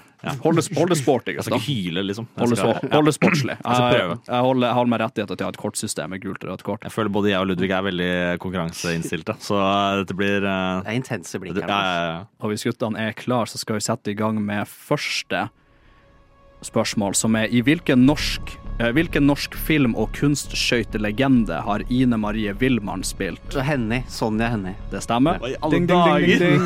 Hva faen? Et poeng til Ludvig. En, det er bare én, er det ikke Er det? det noen litt lettere spørsmål? Det er bare den eh, Ludvig noterer ned. Og da går vi over til uh, spørsmål nummer to. Dette er en two-parter. Uh, første delen er Altså, dere skal gjette navnet på denne filmen. Jeg skal beskrive den. Første delen er en oppfinner deltar i et billøp for å slå sin tidligere venn som har stjålet tegningene hans. Ferrari versus Ford. Feil. Men kanskje Nei, faen. Jeg har vi flere forsøk, eller han kan prøve hvis Ja, ja, ja. Bare fyr løs. Fyr løs. Jeg vet ikke hva filmen heter, men uh, Det er en film som jeg garanterer at dere begge to har sett. Jeg ville også tatt Ferrari og en opp, Er det oppfinneren som er sur? Det er oppfinneren som tar og deltar i det her løpet. Å, det, det, det er eh, Flåklypa! er. Og det er to poeng til trodde- min mann jeg. Bare hengte meg opp i at han var sykkeloperatør, så jeg bare, jeg bare hengte meg opp til det. Jeg tenkte, jeg tenkte på den derre Hva heter han Biler, trodde jeg først. Ja, ja. Og da går vi videre til den andre delen av turpartneren. Det her er samme, samme type spørsmål. Jeg leser opp en beskrivelse, og så skal dere um, gi meg tittelen. En bestemt bokseamatør blir trent opp av en profesjonell Nei, blir trent opp til å bli en profesjonell bokser av Clint Eastwood. Million Dollar Baby. Ding, ding, ding, alle ding, ding. Nå er vi på her, Ludvig Verdal Viltil. Dæven steike. Er Leverer virkelig på? på elitenivå. Uh, og vi har tid til uh, Vi har tid til et par spørsmål, så Johannes, du har tida til å Nei, det, jeg har tida til å bli dunka i huet. alle muligheter til å hente inn. Og da går vi videre til spørsmål nummer tre. Hva heter filmen som mange anser som Mickey Rorks comeback, der han spiller en atlet som er i ferd med å pensjonere Det- seg det- og må det- til det passe seg et vanlig liv? The re- Og det er jo en film jeg anbefalte til Ludvig for ikke så lenge siden. Er det ikke, er det, ikke det? Og da står scoren 4-0 til Du må, Ludvig. du må skrike, altså, Johannes. Ja, men jeg er, liksom, jeg, jeg, er så, jeg er så nervøs bare å være her. Så jeg klarer liksom. Det begynner å se mørkt ut for deg nå, Johannes, men du kan i hvert fall hente inn noen eh, Du kan hente inn eh, to, potensielt to. Det blir slåsskamp på bakrommet her etterpå. Altså. Det blir hva det. sier du, Ja. Vi wrestler. Og da går vi videre til Hva er navnet på en antagonist som siden ble Rockys venn? Jeg har et hint. Ah, Apollo, eh, Apollo Creed. Apollo Creed. Apollo Creed. Ah, halvt poeng til hver. Det er det. Ja, ja. Vi kan gi det halvt poeng til hver sammen. Men uh, det var, jeg ville egentlig frem til det første navnet. Jeg bare kom aldri, nei, hele navnet. Jeg bare aldri kom meg så langt. Men ja, halvt poeng til hver. Og da går vi over til det siste spørsmålet. Her kan dere få Ti poeng. Nesten. Dere kan få et halvt poeng. Det er egentlig fem på en måte deler av svaret. Og for hver av dem dere har riktig, så får dere et halvt poeng. Så hvis jeg klarer alle riktig, så er jeg fortsatt tapt. Men du kan hente deg inn. Uh, hva er ifølge filmen Dodgeball med Ben Stiller og Vince Vaughn The Five Ds of Dodgeball? Da er det et halvt poeng per D. Hva er- Det er, uh, hva er det han sier? Eh, Det er Dodge, i hvert fall. Det er riktig. Halvt poeng. Det er eh, Dodge, Duck, Det er riktig. Dip. Det er riktig. Er det Dive? Det er riktig. Fire av fem nå. What the fuck? Og den femte, Ludvig. Dette filmen har jeg ikke sett. Eh, jo, jeg bare ser for meg han derre tullingen i Han sitter der i Jo, ser han ikke Er det ikke Dodge to ganger? Det er Dodge to ganger! Full uttelling til Ludvig Verndal Viltil. Shit. Dæven Resonnerer fram til Er det. Dodge to ganger? Oi, oi, oi. Det Den er så. Jævlig ikke- Nei, jeg har ikke sett den. Jeg har den på DVD. Jeg husker jeg hadde den på DVD hjemme, men jeg har ikke sett den. Det Var det sånn film alle hadde på DVD på 2000-tallet? Ja, fordi den, den, den, var fra en sånn periode det hvor alle hjem, i hvert fall alle hjem hvor det var Ja. dudes, hvor det var gutter. Og- du kjøpte, eh, du kjøpte eh, ikke, Vi trenger ikke å telle opp poengene, Kim. Det går helt fint. Eh, men det, det var fra en sånn periode hvor du kjøpte DVD-er, og så var det to filmer per DVD. ja.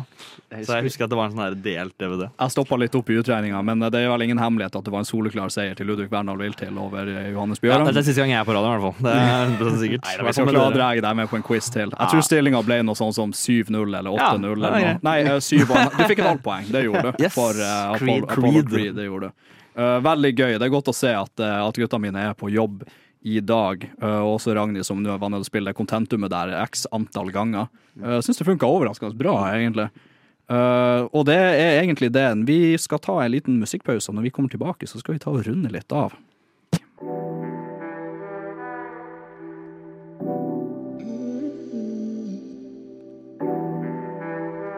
Nova, Nova, Nova Noir. Fucka med noen filmer i det siste? Har du fucka med noen film siden sist?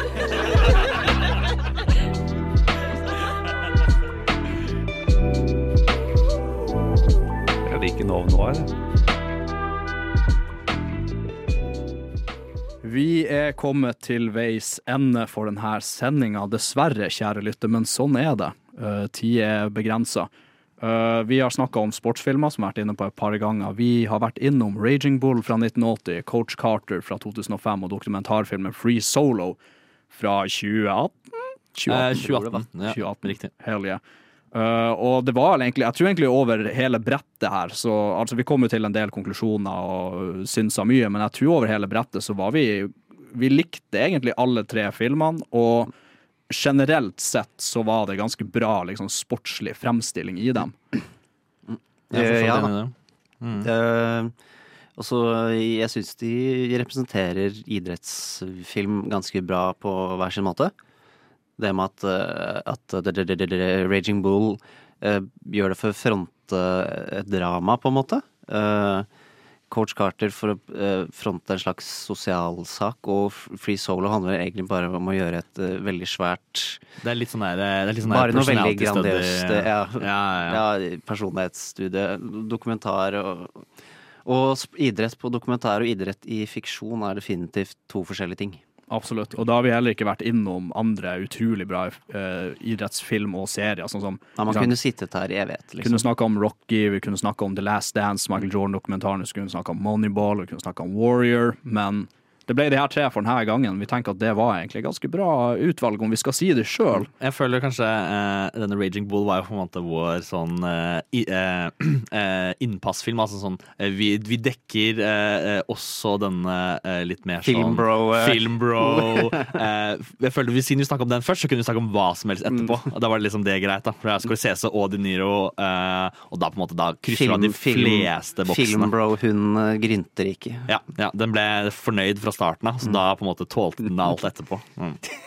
Det er nesten som vi egentlig skulle hatt en time ekstra på oss egentlig for å gå det enda videre på, på ja, variasjonene som er der. Jeg var jo litt gira på å liksom få med noe sånn komedie også. Blue Mountain State er jo altså det er jo en film som setter sporten veldig til side. Ja, Liksom. ja, det er mer fyll og, og craziness. Men det er jo på en måte Det er en liten uh, Liten, altså Jeg vil ikke si accurate, kanskje, men det er en representasjon av eh, En tolkning av eh, kanskje dette college-fotballmiljøet, da, som er eh, ganske crazy.